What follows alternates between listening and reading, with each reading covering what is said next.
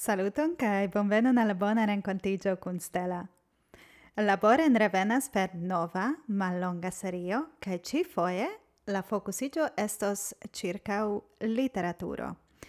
Mi igis ambassadoro de concurso, intercultura novelo concurso INC, kai effettive mi pretigas tiun ci serieton por convinci vin verki por tiu ci concurso.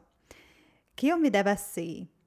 La temo estas covim decnau, kia gi changis nin, do effettive la nova coronaviruso, kia gi changis vian vivon, au la mondon. Tio estu via inspirigio por verki fictien raconton. Povas esti che vi vola scribi pri io kio okazis al vi pasintiare, via familio, via amicoi. Eble vi emas imagi kiel la mondo aspectos poste. kiajn al alportas la pandemio? Au kiel vi imagas la mondon post jardeko Au cent jaroj? Vi povas verki kadre de la temo pri kio ein. Kaj ĉar vi povas sendi al la konkurso tri verkoin, vi povas esplori plurajn ideojn kiujn vi havas. Compreneble nur se vi estas tiom verkema. Via rakonto devas alveni antaŭ la dudeca de junio 2021 Kaj vetrovos en la retpaĝo de Ink kiel sendi vian verkon. Kompreneble en la priskribo de ĉiu epizodo de laboren vi trovos la ligilon kaj povos legi ĉiujn detalojn por vi mem. Via verko estu maximume dek du mil karaktrojn longa. Kion signifas tio? Praktike tio estas uh, maksimume eh, um, ĉirkaŭ du mil vortoj. Do aŭ malpli, kompreneble, ne existas minimuma longezo. Povas esti che vi vercas tre trafan unu alinean raconteton. Cio gravas estas che gi estu originala verco. Nenia ancora publicigita. Vere verku por tiu ci concurso, ca ni vere tre attendas legi cion vi sendos. La intercultura parto de la concurso ancau signifas che se vi emas verki prefere en via danasca lingua, do vi pli comfortas unue verki en via denaska lingvo kaj poste traduki al Esperanto? Tio eblas. Ankaŭ se amiko deziras verki, kiu ankoraŭ ne parolas Esperanton, tio eblas, sed la fina verko devas esti sendita en Esperanto. Niai nau jurianoi estas Esperanto parolanto de circa la mondo. Kai se vi emas si kiu estas en la jurio, tion vi ankaŭ trovas en la retejo de Inc. Ke mi eble diru kelkajn vortojn kial tiu concurso gravas. Mi pensas ke lingvo vivas pro sia kulturo, Ni bezonas legi kaj sperti la mondon ankaŭ tra literaturo, verkoj kaj vortoj. Kaj la lingvo mem donas la eblecon ricevi vere tre diversajn vidpunktojn, sentojn, esprimojn pri la pandemio tra la tuta mondo. Tia gravas ke ĝi nomiĝas interkultura, char ni vere volas havi vercoin de ciu anguleto de la mondo. Kaj se mi ancora ne convinkis vin verki, do estas premioi. Quincent, tricent, au ducent euroi.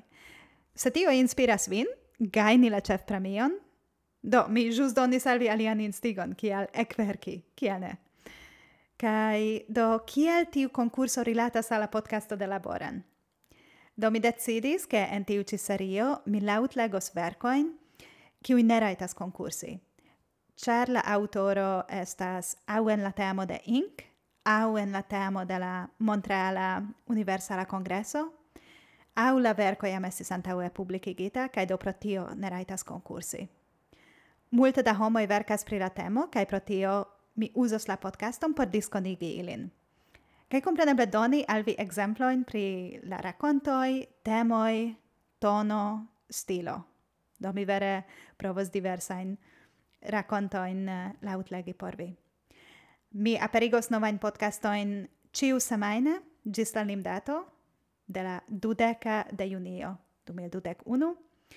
Kai do tiu ci podcasto vere estas nur parto de la programeroi kie kai al aliaj kulturaĵoj kiu aperas por instigi vin legi kai verki. Do nepre rigardu eventan servon, char ni okazigas ancau kvar retain rencontigioin circa la temo de literaturo.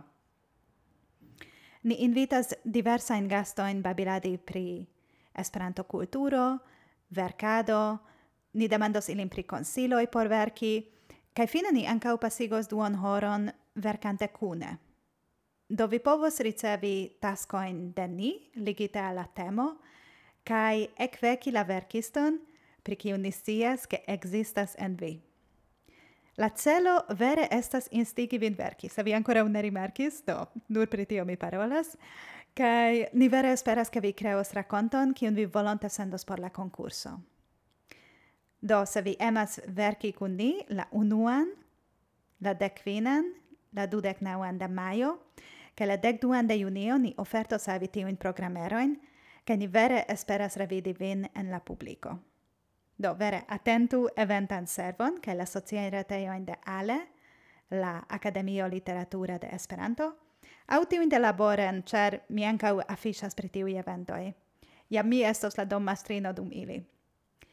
La sekvan semajnon mi revenos kun la unua raconto, kaj ĝis tiam bonam vercadon, kai ne forgesu ke auscultante, legante au vercante vi subtenas esperanto culturan, kai mi vere tre dankas vin por tio. Mi tre gioias de nove surbendigi novein episodoin por vi. Laut legi vercoin esos interesa de fio por mi, do bonan auscultadon al vi, kai mi esperas ke vi vercos por la concurso. Gis carai.